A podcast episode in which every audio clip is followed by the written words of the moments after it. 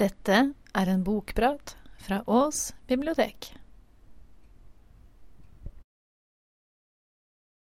Eh, Han var jo lenge Og så veit jeg godt at hvis jeg først kommer i gang med å prate, så har det gått en halv time før jeg får snudd meg. Eh, Så jeg skal prøve å prate lite, men litt må jeg si. Fordi jeg sa at du får ingen biografi, men du får det litt likevel. Fordi at alt han skriver, det er henta fra hans liv. Uansett når du har lest eh, erindringene hans, det han sjøl har skrevet Det var da, det og ikke nå. Muntre minner fra Hedmarken. Og ikke minst biografien til Ove Røsbakk. Hvis du etterpå leser viser og stubber, så ser du at alt, absolutt alt, har han henta fra sitt eget liv. Og brukt det på retta og på vranga, og for alt det er verdt. Samme hendelsen har han brukt på ulike måter. Han kan, ha brukt den i ei vise, og så har han brukt den i en stubb. Og så har han jammen snudd på den en gang til, og så har han brukt det i en stubb til, med en annen vinkling. Eh, han plukka fra unga sine. Han var fryktelig interessert i folk. Så han samla grådig på alt som kunne brukes. Alle replikker eh, og hendelser som han kunne, kunne bruke. Så jeg har lyst til å begynne med slutten, på en måte. Det gikk en kjempe gjennom landet, og han var ydmjuk, om han var stor. Han trådde varsomt på vei og vidde, og han for ikke med store ord. Og ikke veit jeg, men jammen tror jeg at han var redd for å sette spor. Men spora sto der. Og spora står der, og i dem blømmer en sommersdag. I alle lier, på alle stier, der kan du kjenne hans andedrag. Og ikke veit jeg, men jammen tror jeg vi ble et varmere folkeslag. Han gjorde sliteren mer rak i ryggen. Han tente lys over gråbeinkveld. Han sang for alle, men helst for unga. Og de veit best at en alt var til. Og ikke tror jeg Nei, jammen veit jeg. Om han er borte, så lever han lell. Skrev Erik Bye da Alf Prøysen døde i 1970. 56 år gammel. Og det er det du får av biografien. Em, første tema som han har Han har en fantastisk innsikt i mennesker. Og det tror jeg er fordi han var en så sammensatt person sjøl. Han hadde en utrolig evne til å sette seg inn i åssen unge tenkte. Til å huske sjøl åssen det var å være unge. Han har en utrolig evne til å sette seg inn i åssen jenter tenkte. Han hadde en fantastisk innsikt i menneskesinnet. Og du skal få en eh, smakebit fra unger. Nå kan det godt hende at det dukker opp noe som du har hørt før. Da, særlig hvis du har hørt meg før, da bruker jeg å si at det gjør ingenting. Prøysen er så slitesterk at han kommer til å holde i 100 år til. Da Da han døde, så sa Erik Bye at om 50 år så kommer folk til å ta doktorgraden på Alf Prøysen. Det gjør de nå. Eh, For lenge var jo han sett på som morsom, godslig, artig, trivelig, ikke noe særlig djup. Og det er helt feil. Og det skal jeg si litt mer om etterpå. Men du skal få en som heter Skjebne. Hvorfor skal det hete skjebnemor? spør den vesle Jon, der han sitter og støer hodet i hendene og pirker i maten. Skjebne? Har du fått det ordet ifra? spør han mor. Ja, de synger det på grammofonplaten borti Rønninga. Det var skjebnens vilje at vi vandret samme vei. Har du ikke hørt dem, du? Nei, har litt annet å gjøre enn å sitte borti Rønninga og spille grammofon. Ja, men hva er skjebne? Det er vel noe som er bestemt, da. At slik skal det gå med den og den. Ikke sitt slik og rugg på stolen. Du veit at det har jeg sagt til deg før. Ja, men skjebne Da var det vel bestemt at en far møtte deg òg, da? Sitt stille og et du nå, så jeg får tid til å bolig en gang. Ja, men da var det skjebne at du og en far fikk meg òg, da. Tenk om du ikke hadde fått meg. Tenk om det hadde vært skjebne at du hadde fått en kattunge. Tullebukk. Nå blir jeg snart sint på deg. Jeg ser du flirer av meg. Lite grann. I munnviken. Ja, du kommer da med så mye rart, så en veit ikke hvem skal gråte eller le. Ja, men du, mor. Når en tenker etter seg, er det så rart.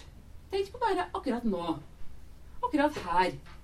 Nå er det skjebnen at jeg skal sitte på stolen og ete akkurat den poteten som ligger på tallerkenen min. Jeg visste ikke noe, jeg, om den poteten i stad. Og den visste ikke noe om meg. Og nå sitter jeg her og skal ete den opp. Ingen andre har jeg. Og så akkurat den poteten. Ja, hvis du kunne se til å få i deg denne poteten nå, så kunne det bli fred å få, sier mor og går ut. Han veslejon sitter og ser på poteten. Å, du er stor og pen, du. Veit du at det var skjebnen at jeg drev og lekte så lenge nede i veien i stad at alle de andre hadde eti da jeg kom i natt? Og bare du lå igjen. For skjebnen hadde bestemt at det var jeg som skulle ete opp deg. Du bør ikke være redd. Jeg skal bare tale med deg litt først. Jeg er fem år, jeg. Og så heter jeg Jon. Du heter vel bare Potet, du er? Du kan hete Potet, Jon. Det kan du. Så har vi samme navnet, du og jeg. Det er vi som er skjebnen i hopes. Og så tar en Jon og stikker poteten i gaffelen. Nei, stikker gaffelen i poteten og skal riktig se på den enda en gang før han tar den i munnen. Da skjer det.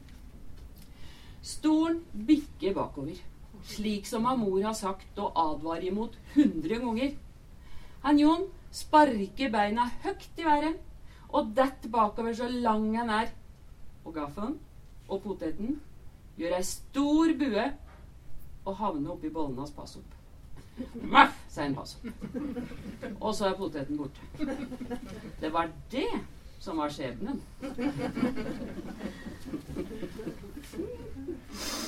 Nå har du fått en stubb.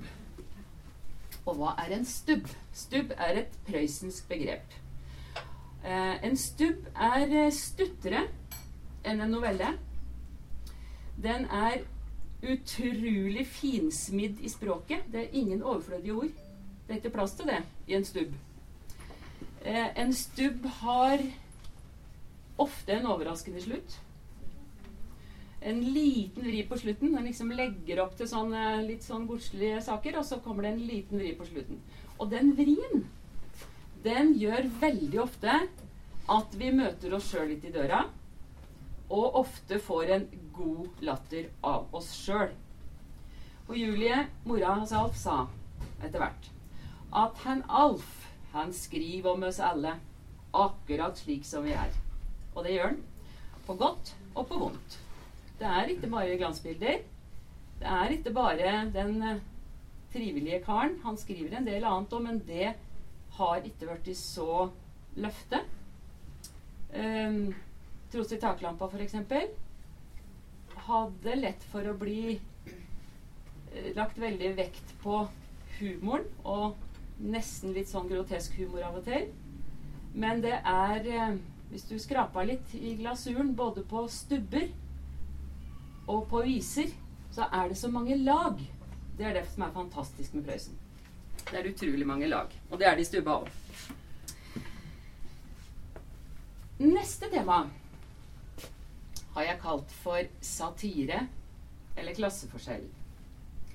Prøysen vokste opp i et eh, veldig klassedelt samfunn. Eh, det kan virke som klasseforskjellen var ganske stor på Hedmarken. Og han eh, Prøysen har alltid sympatien hos de minste.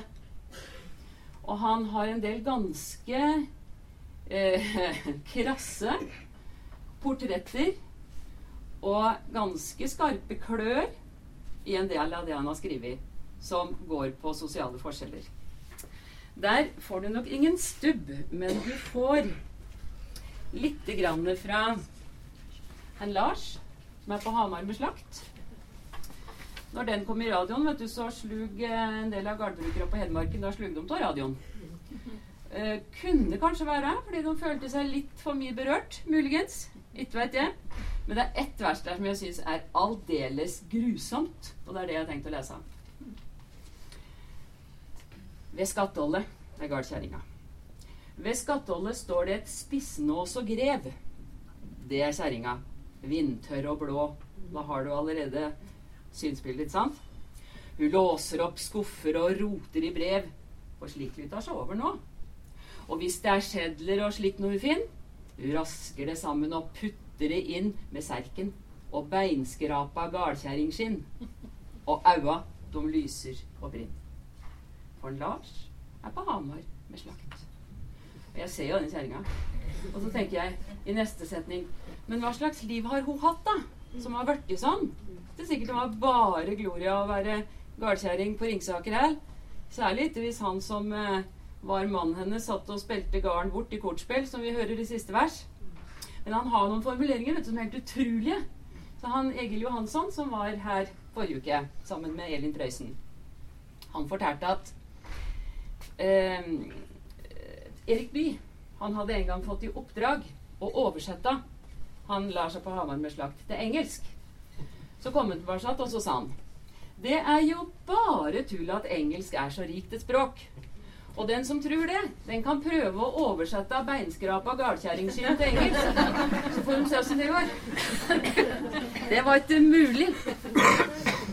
Han har også noe som heter Ei vise som heter Grisekokktrøsta. Hvor temaet er at uh, alt, alle er like bra, og alle er like mye verdt, og alt det der. Men når du hører formuleringene Og det er litt med vilje at jeg leser, fordi når man sjunger Prøysen har jo innmari mange viser som er veldig folkekjære. Men det blir ofte litt sånn for meg at når en sjunger, så drukner teksta litt i melodien. Sånn at det kommer litt mer fram, syns jeg, hva han egentlig skriver, hvis man leser. Men hvis jeg finner ut at jeg skal sjunge noen toner, går det bra, eller forstyrrer jeg altfor mye? Det er de eia dumhet som gjør at du kan tru at ingen har så simpel en arbeidsplass som du. Nei, all slags ærlig arbeid er like fint og bra. Så hvorfor skal du slutte med griskokkjobben da? Og arbeid skjemmer ingen, gå trøstig inn i bingen, og stell til rette båra, og stell deg til å spa. Ja, for arbeidet ditt, det trengs det. Det kan du lite på. For sjølve mannen på garn, han som er så høgt på strå, er mindre uunnværlig en 14 dagers tid enn du når du skal be om å få eftasøkta fri. Og det er store tingen, gå trøstig inn i bingen, og slå til mat åt grisom, og sving med bytta di. Og bare tenk på syndene. Det er himmelspott og spe om garden ikke hviler og arbeid legges ned. Men du kan trøste knoge for i det høge blå, der har du egen konto. Der slikt blir trukket ifra. Og det er store tingen, så bøy deg over bingen, og finn den breie ryggen, og stell deg til å klå. Og nå skal visa slutte, og alt er vel og bra, og alle folk er like, og griskokken er glad.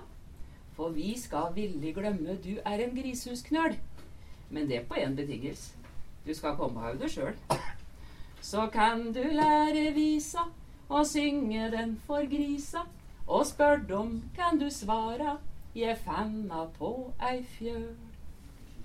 Han sier dessuten at eh, hedmarksdialekten eh, og det er fjøla, fjølene, som han bruker til å sende sine viser og det han skriver ut i verden. Dette fordi han syns at alt som var med Hedmarken, var så forferdelig stas alltid, men det var det han uttrykte seg best på.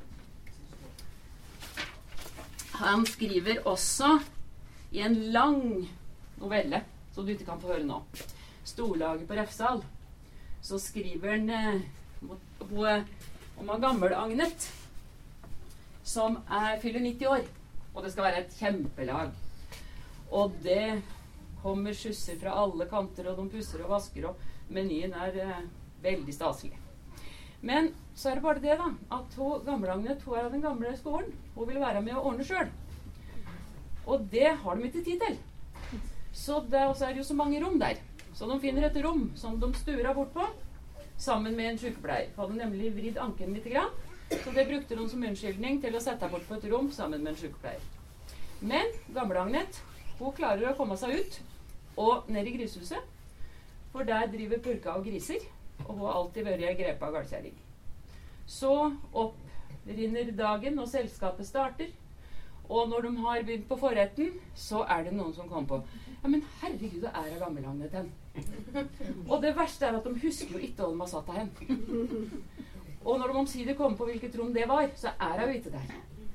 Helt til slutt så finner alle, alle leiter, ikke gjestene, de veit ingenting. Der er det taler og stas.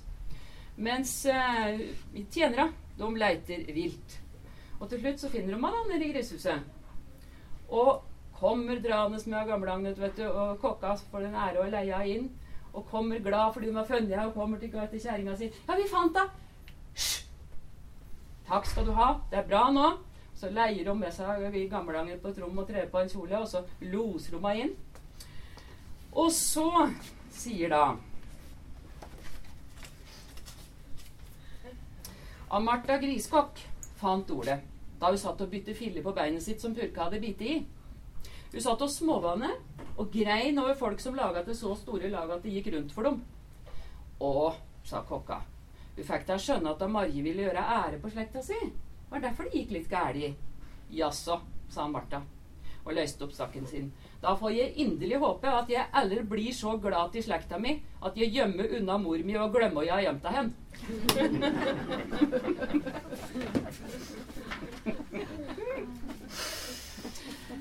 Stubbene til Prøysen var jo det som ga den faste innkomsten. I perioder så var den jo veldig i vinden.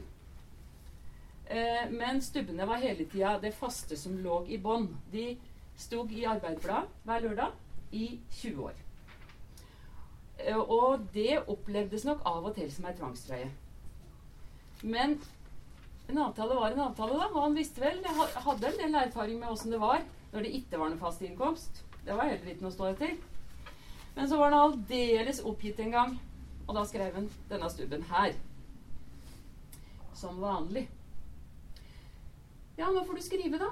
Maskina mi som vanlig. For stup har jeg lova, og stup skal det bli. Som vanlig. Jeg hørte på toget ei skrøne på skrømt. Og skrøna var brukbar. Og skrøna ble gjemt. Men det var i går. Og i dag er hun glemt. Som vanlig. Jeg kunne vel nevne noe unga har sagt som vanlig. For der er jeg basen. Der har jeg kontakt. Som vanlig. Ei freskende kjerring med gåpåhumør som streva og ståke som kjerringer gjør. Men det har jeg skrevet om ti ganger før. Som vanlig. Jeg har en idé som jeg aldri har brukt. Som vanlig. Men den er for god til et lørdagsprodukt. Som vanlig. Nei, den skal bli smidd til et luende bud og iføres tanker og revolusjonsskrud. Og sendes med ilpost til Nils Johan Ruud. Som vanlig. Men så er det det at jeg aldri får tid som vanlig. Jeg sitter her og tenker og vrenger og vrir som vanlig. Så får nå novella bli lørdagsstubb Jeg stryker litt i midten, så får jeg det til. Men kledden er borte, og snart er det kveld. Som vanlig. Nei, nå lyt jeg skrive og ta meg på tak. Som vanlig. Og hekte på tankestrek framme og bak. Som vanlig. Fru Borghild sitter klar over tusjpenn og skrin. Det skulle være rart om hun ikke kom inn. For når stubben er skral, gjør hun tegninga fin. Som vanlig. Så det ordna seg nå. Borghild Ruud illustrerte jo hele tida for Alf Prøysen. De var naboer oppe i Nittedal.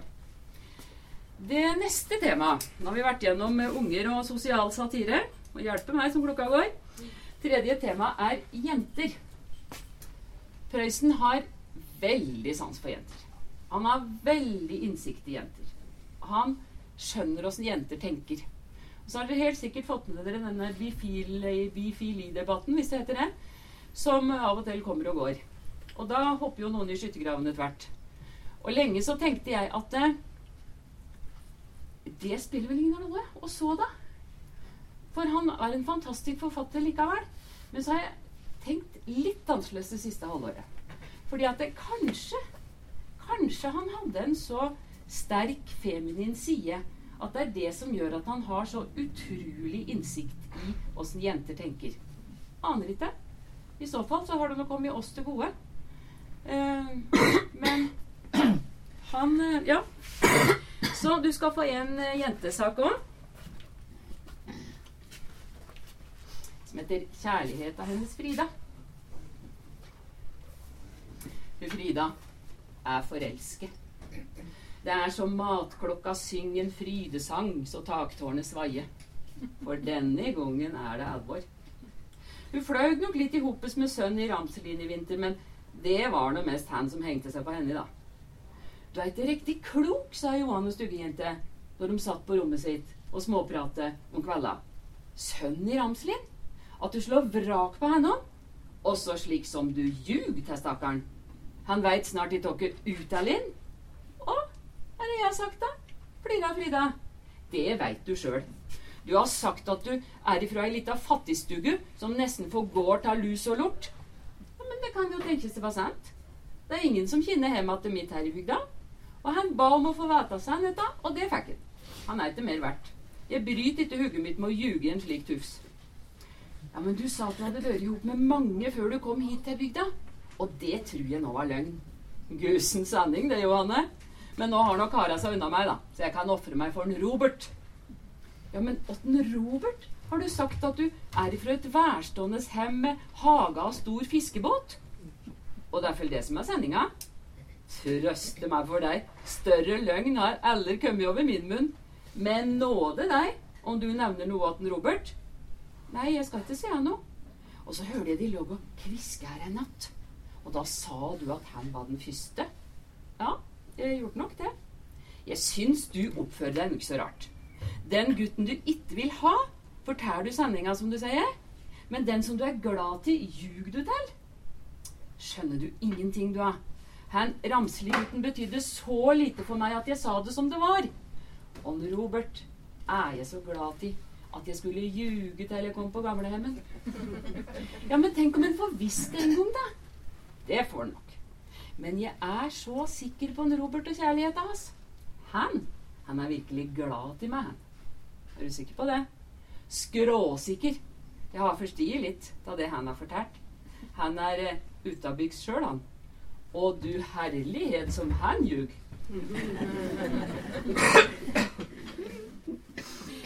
Jentene til Prøysen er sterke. De sitter ikke og venter på at det skal komme ridende en ny prins. De tar tak i livet og ordner opp med det sjøl. Mannfolka hans er Ja, jeg vil nesten kalle dem tufsete. Noen tusseladder. De får du til å høre noe om i dag, ja. Eh, og det, han har skrevet veldig lite om dem. Mens jenter er det stubber om i hauger og lass. Da går vi til neste tema som jeg har kalt uh, 'Synet på seg sjøl'. Og når jeg leser Prøysen, så ser jeg en utrolig sammensatt person uh, som på den ene sida har en grunnleggende usikkerhet og manglende tro på seg sjøl.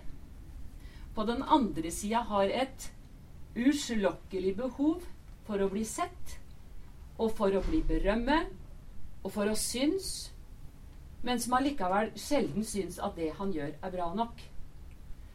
Eh, han har utrolig mange fasetter. Han sier sjøl mange plasser at han eh, alltid går med maske.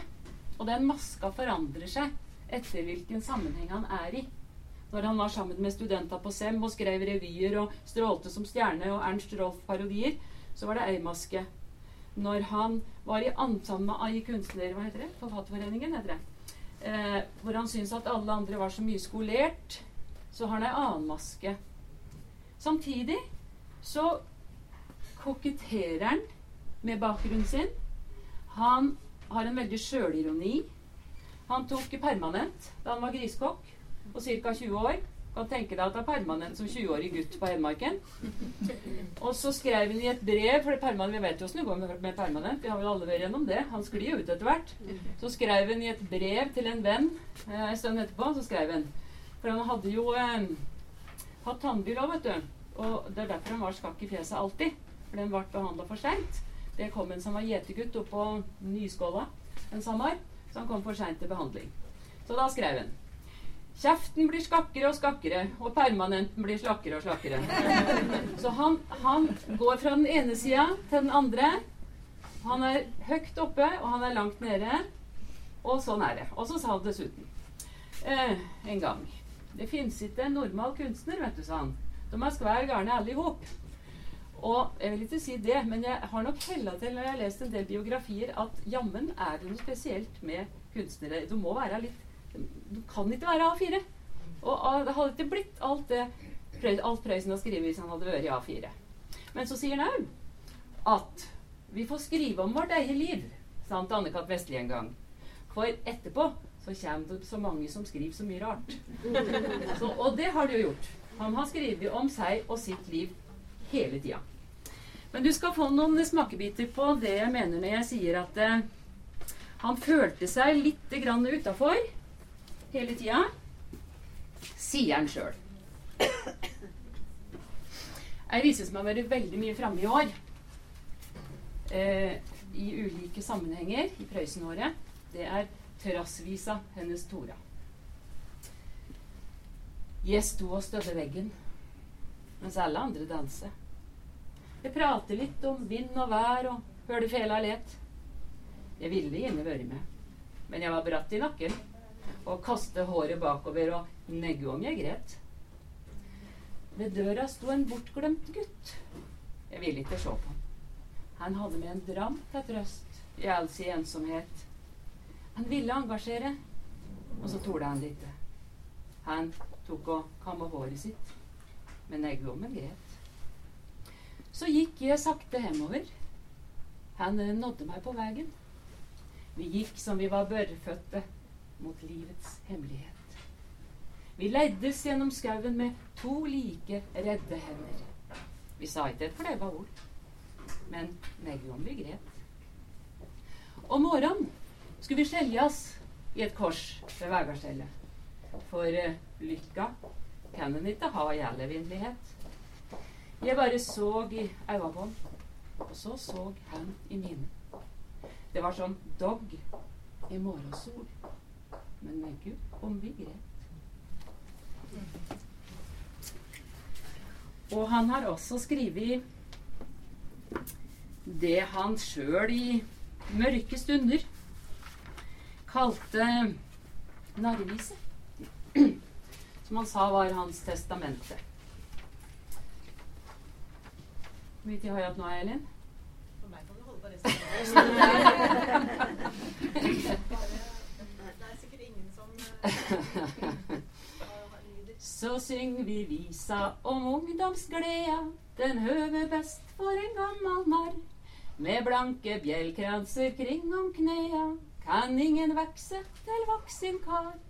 Men har han bjeller, så får de låte, og har han viser, så får de fram. Og ikke kalle jeg det å gråte om aua vassflyg når han tek en dram. I lange, lystige ungdomsnetter, etter alle viser ta mange slag, så freske jenter med svarte fletter fikk trampe takta til lysende dag. Jeg kom med viser om leik og leven, og alle stemte jeg tona ned. Om snarten Torvald og sånn even fikk kyss på kjakan, og ikke jeg. Jeg spilte brurdansen mange ganger, så brura snåva i stakken sin. Jeg stødde han som stod full og slong der, med brurgomsnellik i frakken sin. Jeg sang til doggen låg blank på reina, og skulle brurfolket legge seg. Så slo jeg stiften ved sengebeina og sa til lykke og takk for meg. Og skulle det komme noe smått i huset Jeg kjøler jordmora nord og sør, så sla han kvein over tælagruset, og hjula knasa i skarasnø. Og fanns det enkjer, kom hjem med trøsta så langt som visa og målet bar. Så minke sorgen. Da fikk de lysta, og gikk til alters med en annen kar. Det er ofte sagt meg når jeg skal fara, så har jeg tullet bort all mi tid. Og langt ifrå vil jeg heller svara, jeg vart en narn som jeg måtte bli. Og den som kinner seg mo i knea når andre benker seg par om par, og itte gir dem en sang om gleda, den vil jeg kalle en dårlig narr. Så det. Siste tema er har jeg kalt for livsvisdom. Han har eh, gitt oss noen perler som kommer til å leve av minst i 100 år til. Og en av de er er en som heter Speldåsen. Hun bestemor hadde noe rart i kista som nesten alle vi små fikk se. Det var en speldåse kledt med fløyel, med nøkkelhull og med roser på. Og oppå lokket der sto en spellmann med fela stødd mot sitt røde kinn. Og når hun bestemor fikk trukket opp verket, så lea spellmannen på bågen sin. Det var ei tone så lys og vakker, ei lita helsing fra lykkens grend. Vi sanker bær, og vi plukker blommer, og lønna var å få høre den. Og vart vi sjuke, kom prest og doktor med kamferkluter og salighet. Men kom av bestemor med trekkoppverket, så snudde krisa når fela litt. En gang så var jeg aleine inne. Det var så visst ikke gæli ment. Jeg ville sjå oss som laga låten, så spellmann spelte og fela let. Jeg tok ei hårnål og pirke borti, så verket hoppe og fjøra sprang. Og spellmann sto der med bågon lyfte, og det var siste gangen fela sang. Jeg gret og bar meg i mange netter. Så kom bestemor og ga meg råd. Vi er noen spelldåser alle sammen. Og det er mangt en litt akter på. Rør eller verket som laga låten. Nei, slike ting har vi ikke noe med. Men er du stille og følger takta, så har du tona i ny og ned.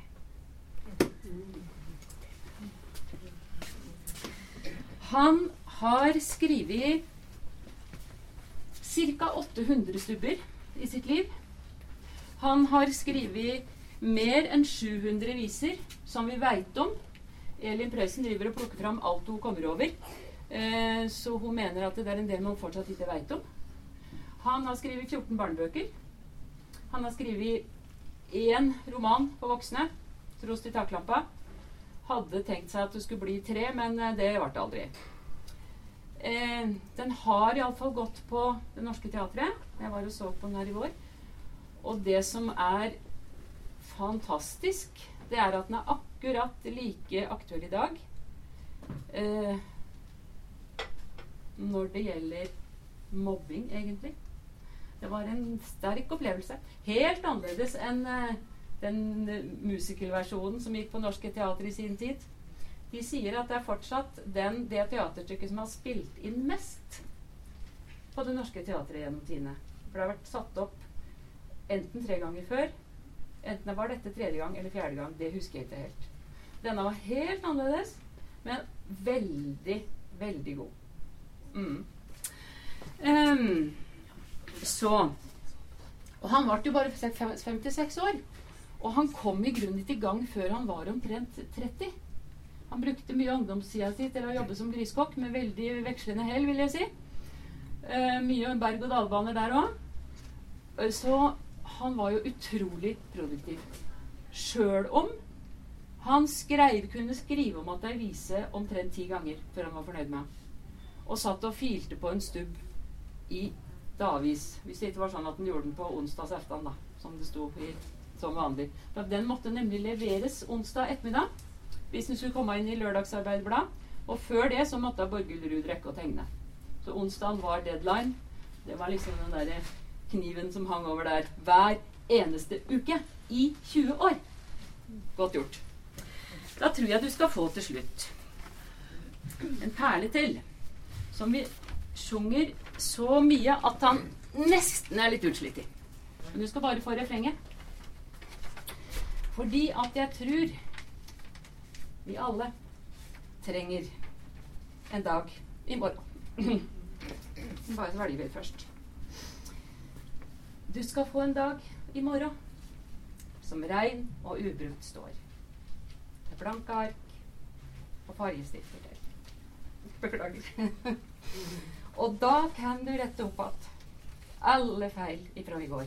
Og da får du det så godt i morgen kveld. Og om du ikke greier det, og alt er like trist, så skal du høre suset over furua som sist. Du skal få en dag i morgen som rein og ubrukt står, med blanke ark og fargestifter. Det trenger vi. Ja.